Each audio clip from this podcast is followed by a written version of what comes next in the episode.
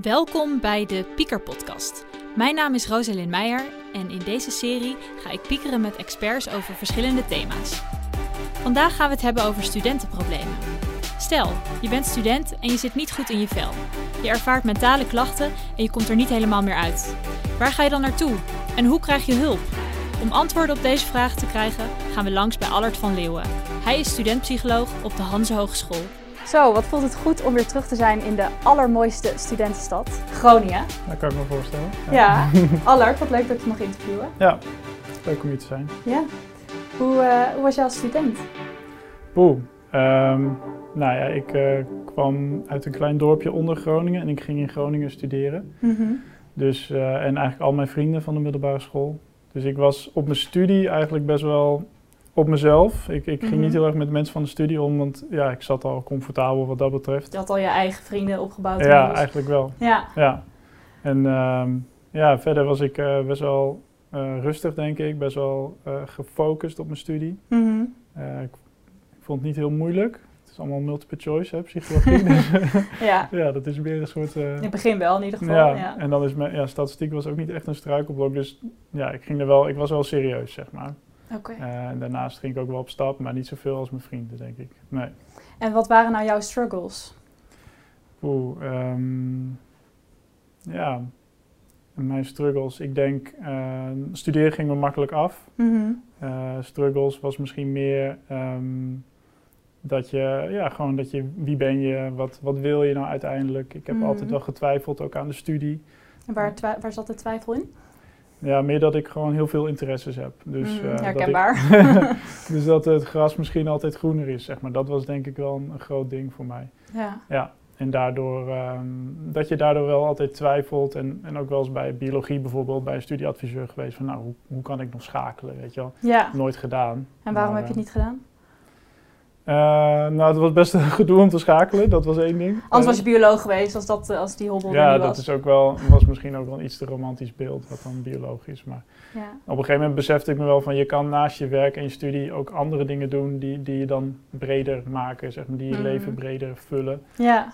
En zo heb ik mezelf. En uiteindelijk ging ik in mijn master de stage doen. En toen dacht ik al van, oh, dit is eigenlijk best wel heel gaaf. Echt een therapeut zijn. Ja, en dan kom je natuurlijk pas heel laat achter hè, in een studie psychologie. Je gaat pas heel laat de praktijk in. Ja, wat heel gek is, als je tenminste de route gaat, kiest om echt therapeut te worden, Mhm.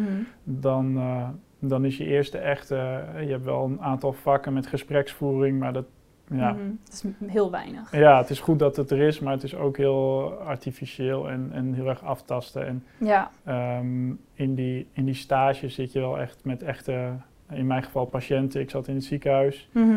En ehm, dan, dan leer je pas echt hoe het is om, om therapeut te zijn. Ja. ja. En je bent nu natuurlijk studentpsycholoog. Ja, Kun je nog goed identificeren met de, met de studenten?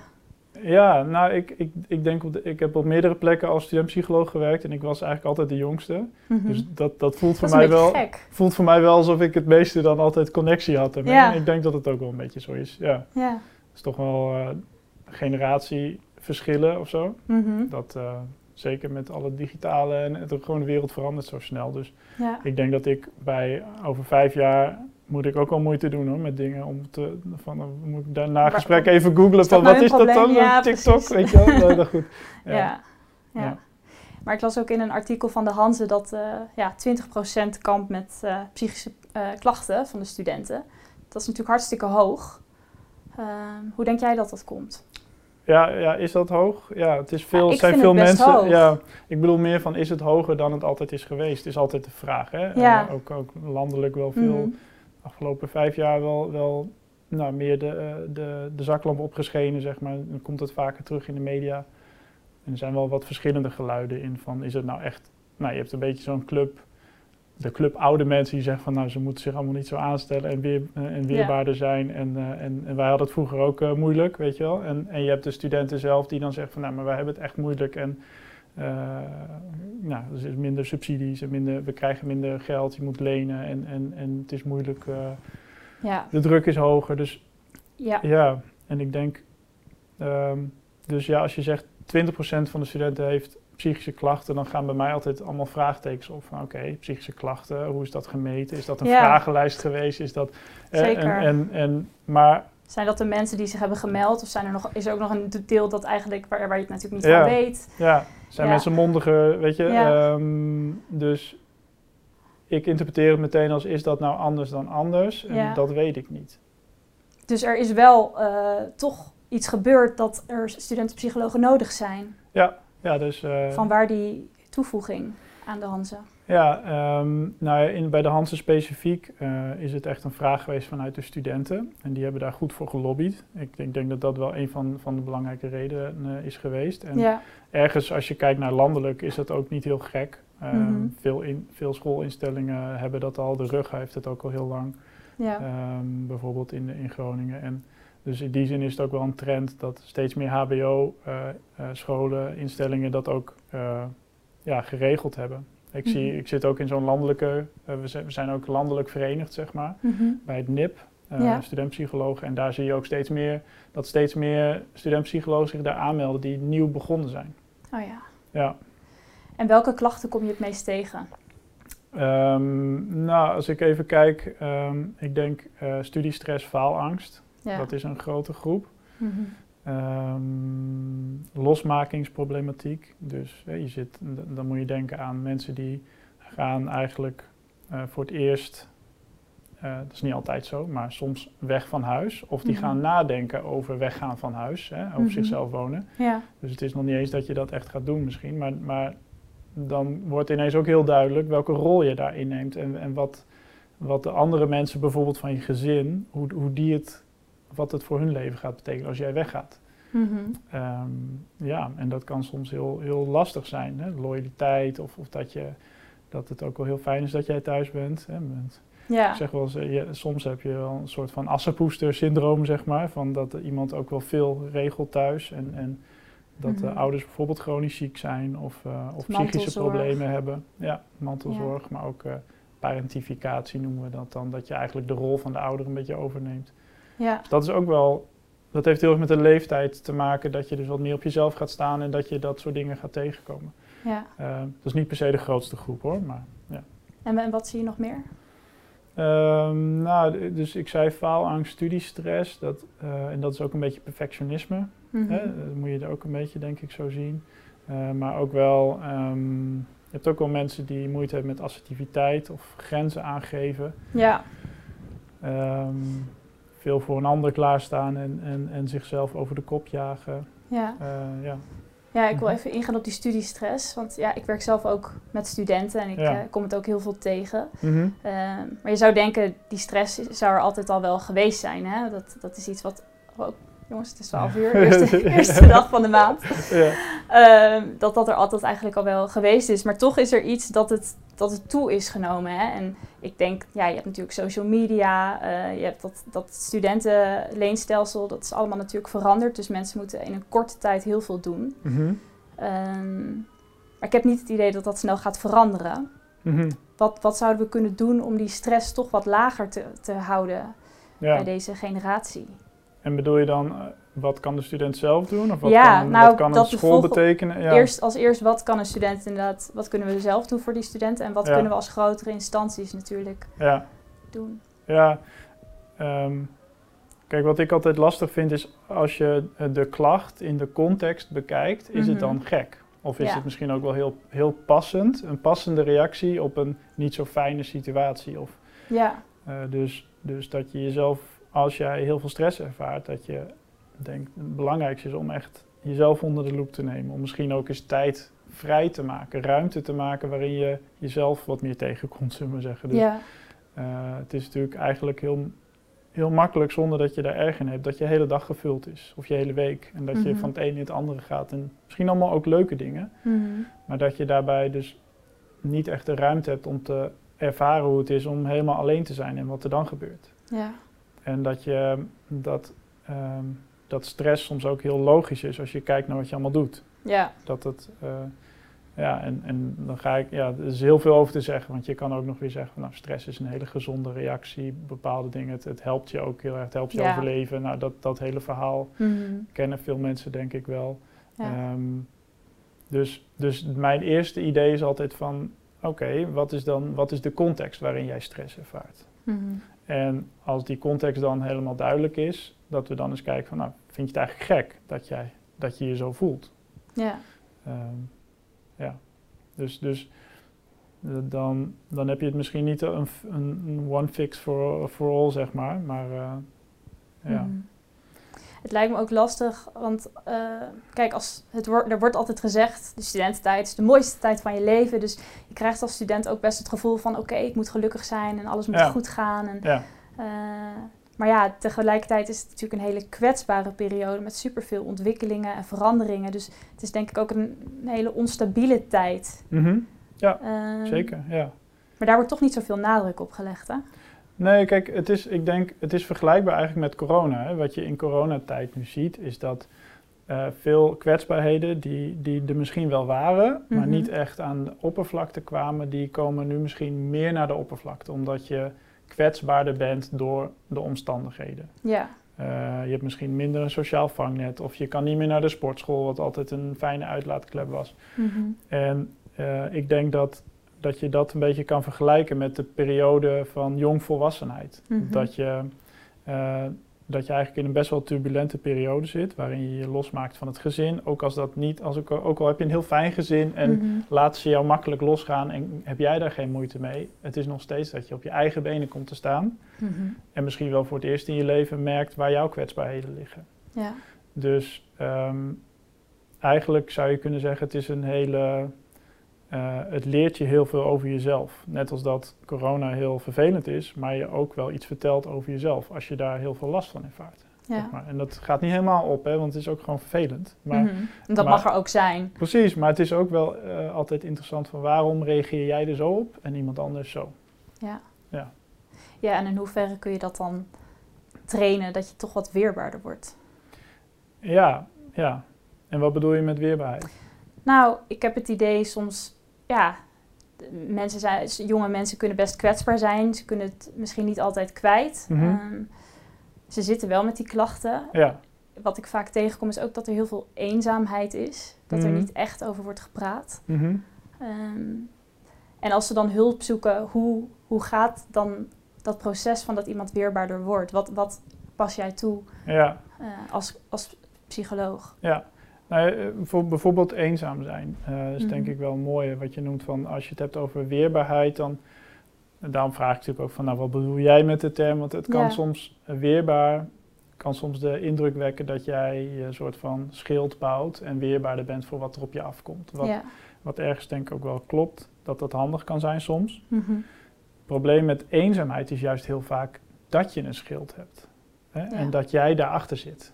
En dat, dat wat daar achter je schild zit, is heel eenzaam. Omdat, Ja. het niet, omdat jij je laat iets aan de wereld zien. anders zien. Ja, je laat iets zien van, van wat misschien, waarvan jij misschien denkt van hé, hey, daar, daar oogst ik eh, respect mee of, of zelfwaardering. Omdat je misschien jezelf moeite hebt om jezelf te waarderen op die manier. Mhm. Eh, eh, dat is een manier. Maar dat is wat je vaak bij eenzaamheid ziet, is dat je dus niet echt verbindt met een ander, omdat er iets tussen zit. En als de ander dat dan ook nog doet, dan. eh, Ja, dat wordt heel gezellig. ja, precies. Dan, dan, dan zit het schild met het schild te communiceren, zeg Ja. maar. Het masker met het masker. En dan, Ja. terwijl daarachter misschien wel heel, heel eenzame personen zitten die, die iets heel anders tegen elkaar zouden kunnen zeggen. En hoe doorbreek je dan die schilden? Ehm, ja, nou bijvoorbeeld door stapsgewijs. ehm, eerst zelf onder ogen te komen wat er dan achter zit. Mhm. En dat is mooi, dat je dat in gesprek zou kunnen doen met een, met een, nou met een psycholoog bijvoorbeeld, omdat je daar in een veilige setting kan oefenen met je kwetsbaar opstellen. Mhm. Want je doet het niet voor niks. Hè? Je hebt dat ook geleerd. Het was ooit, denk ik, ook heel nuttig om je niet het achterste van je tong te laten zien. Mhm. Dat heeft je ook geholpen heel erg, dus Ja, meestal. En, en, en da- als je dat kan oefenen in therapie, bijvoorbeeld door wel daar wat meer verbinding mee te maken, dan kun je dat ook in de, de echte wereld misschien ook iets meer gaan doen. En, Ja. en dan dus iets meer verbinden met mensen en minder eenzaam zijn, zeg maar. ja. Dus Heb- dat, en en dan, dan is het niet zozeer weer, ja, dat, dat noem ik dan weerbaarder, zeg maar. Hè? Mhm. Dus dat je, dat je minder, ehm, dat je meer op jezelf kan terugvallen en minder anderen nodig hebt om je fijn te voelen. ja. Terwijl je eigenlijk juist dan anderen. Ja, ja, het- het- ik zeg het denk ik verkeerd, want ik denk het is juist belangrijk dat je anderen nodig hebt. Je hoeft niet alles zelf te kunnen doen, maar Nee. mm, dat je oké bent met wie jij bent. Waardoor je ook wat meer kan ontvangen, zeg maar. Ja. Ja. ja. En ben jij wel eens eh, een pretend student tegengekomen? Ja hoor, ja, vaak genoeg. ja. Kun je daar wat over vertellen? Eh, ja, die, die, die staat 's ochtends op, die doet zijn pak aan en die gaat naar stage toe, maar gaat eigenlijk in het park zitten. Ja. heel, heel kort door de bocht. Ja. En, eh, en die, die komt om half zes weer thuis in zijn pak en dan eh, is hij op stage geweest. En, eh, en, en dat kan, dat kan, ja, dat heb je in meer of mindere mate, maar soms dan is de, is de uitreiking de uitreiking van de bul daar en dan, dan is er helemaal geen uitreiking. Ja. Weet je wel? Zo kan het gaan. Ik denk dat de pretend student is eigenlijk ja, het uiterste van, hè, van, van eenzaamheid en Ja. het niet durven delen dat het eigenlijk niet goed gaat op je studie of dat je het misschien kwijt Ja. bent of dat, je, dat het niet goed met jou gaat. Ja. Ehm, hoe vaak ben jij zo'n pretend student tegengekomen? Nou, wat ik zeg, het is meer of minder. Ik, ik schetste net misschien het extreemste geval, eh, Mhm. maar, maar dat is in, op hele kleine. Ja, in he- op hele kleine schaal kom je dat best vaak tegen. Dat mensen bijvoorbeeld niet delen dat ze, dat ze iets niet hebben gehaald. Of dat ze, ja, dat ze zich beter, en, en niet eens op de studie, maar dat je je eigenlijk beter voordoet dan dat je je voelt. Dat is dan de kern, denk ik, van het verhaal. En dat, dat zie je heel vaak. Ja, Ja, ik doe het zelf ook wel eens, denk ik. Mhm. ja. ja maar, Ja. maar als nu een pretend student zou, zou luisteren hè, naar ons Ja. en die zit misschien al heel, heel ver in dat proces van dat hij al twee jaar misschien eh, andere, nou ja, voorlicht klinkt een beetje groot, maar dat hij zich anders voordoet en eigenlijk helemaal niet aan het studeren is. ja. Wat zou jij zeggen tegen zo'n persoon? Hoe kan die, Oeh, eh, hoe ja, ik kom je zou daaruit? allereerst zeggen, wat zou jij moe zijn?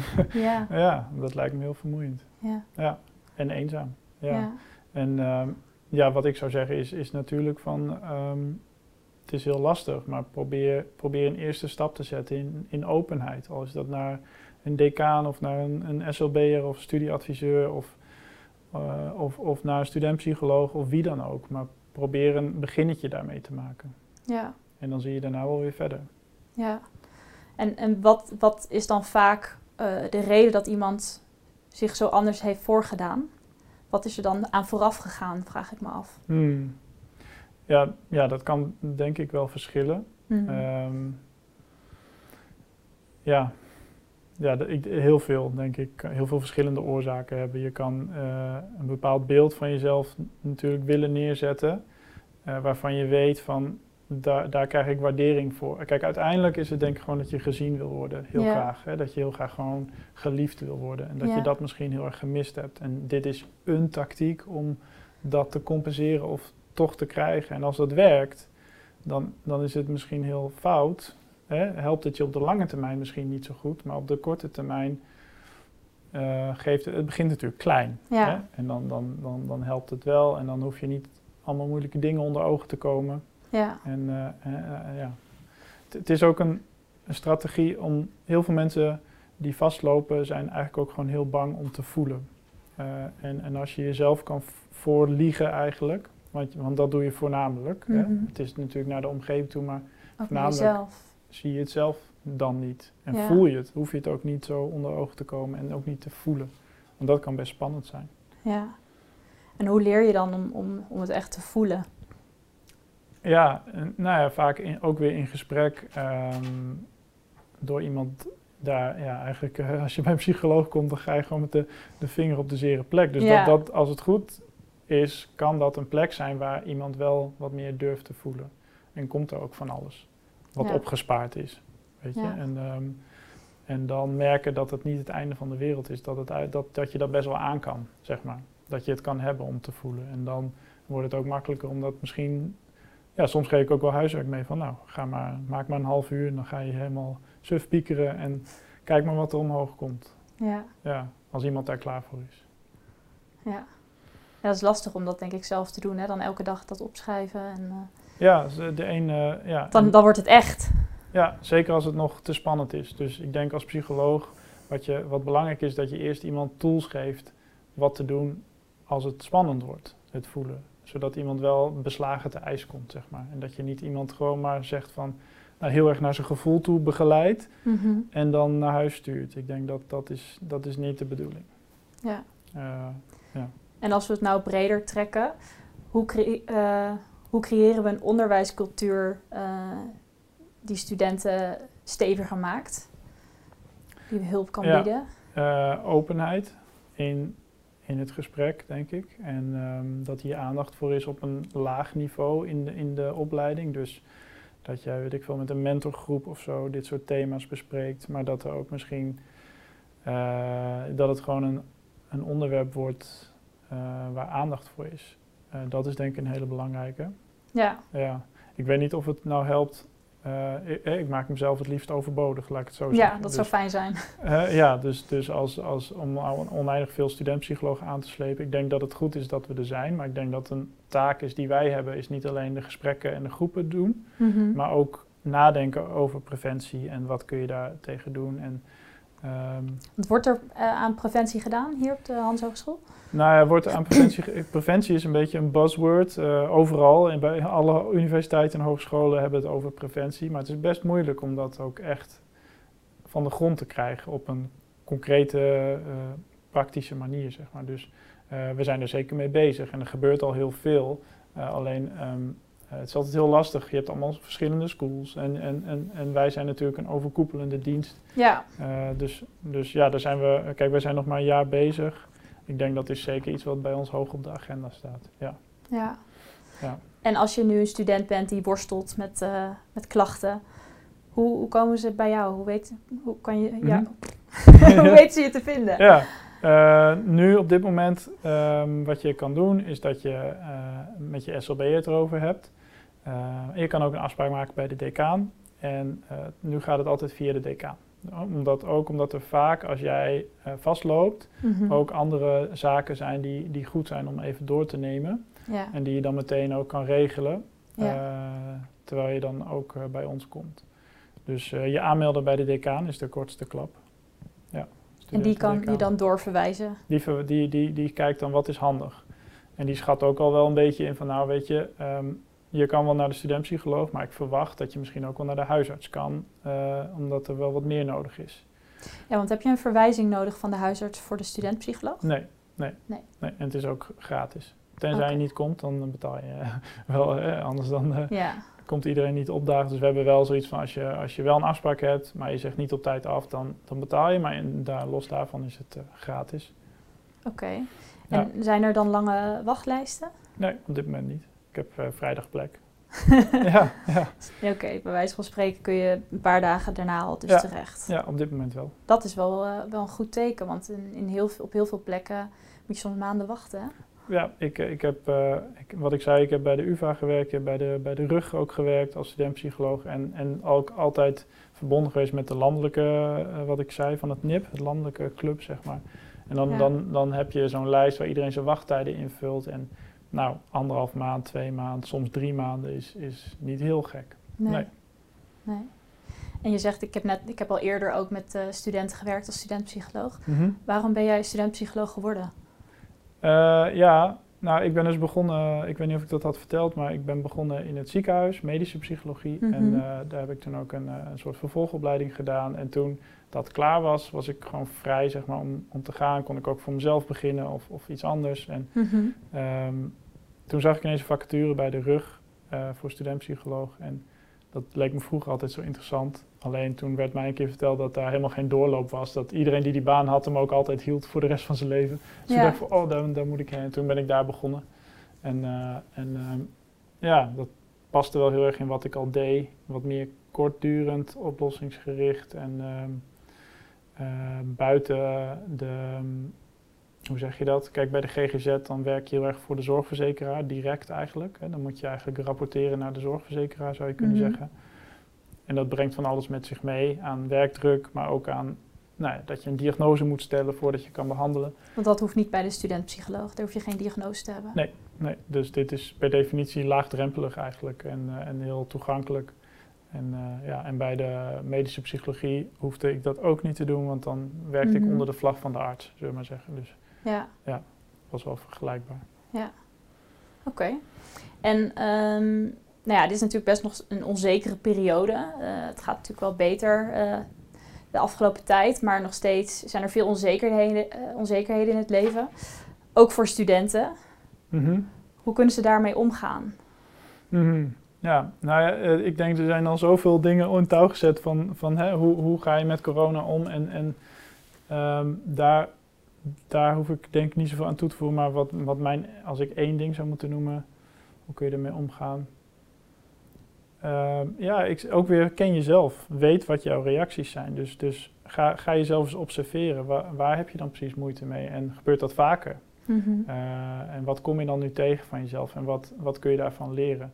Ja. Ehm, niet omdat dat nou de oorzaak is, maar wel omdat dat misschien eh, je iets meer leert over je eigen gebruiksaanwijzing, zeg maar. ja. En als er dan nog een keer wat gebeurt, wat waarschijnlijk wel gebeurt, dan ben je iets beter voorbereid alweer. Ja. Ja, en ja. ze ervaren natuurlijk ook best wel veel druk. Prestatiedruk. Mhm. Ehm, hoe kunnen we in het hoofd van de student creëren dat, je, dat er toch wat meer tijd, dat er wat meer speling en soepelheid komt? ja. Nou, ja, misschien ga het erover hebben met mensen en doe niet alsof je daar niet aan leidt. En, en Ja. het zal niet voor iedereen de oplossing zijn, maar ik denk wel voor veel mensen dat het gesprek aangaan met je vrienden, eh, misschien met je ouders of, of in een klaslokaal, eh, dat je zegt van nou, ik vind het allemaal best wel lastig eigenlijk. Ja. En ehm, dat, je, dat je daar zelf het voortouw in neemt om dat, om dat iets meer bespreekbaar te maken. Ik denk dat dat wel kan helpen om, om er iets meer ruimte in te krijgen. Ja, ik kan me soms wel eens verbazen over dat, dat studenten dan zeggen van ja, maar ik moet dit op tijd af hebben en ik wil dan volgend jaar dit doen en ik wil die stage lopen en ik moet wel echt eh, voor mijn dertigste dit hebben bereikt. En dan denk ik wel soms, poeh, ik krijg al hoofdpijn of ik word al zenuwachtig als ik naar jou luister. En dat ik Ja. dan denk, hoe, kunnen, hoe kun je dan, hoe kun je nou zorgen dat een student dan leert te accepteren van hé, het hoeft niet allemaal perfect te Ja. gaan. En het mag wat langer duren. Ja, Je hebt precies. alle tijd. Mhm. Ja. Hoe breng je dat nou over? Ja, ja.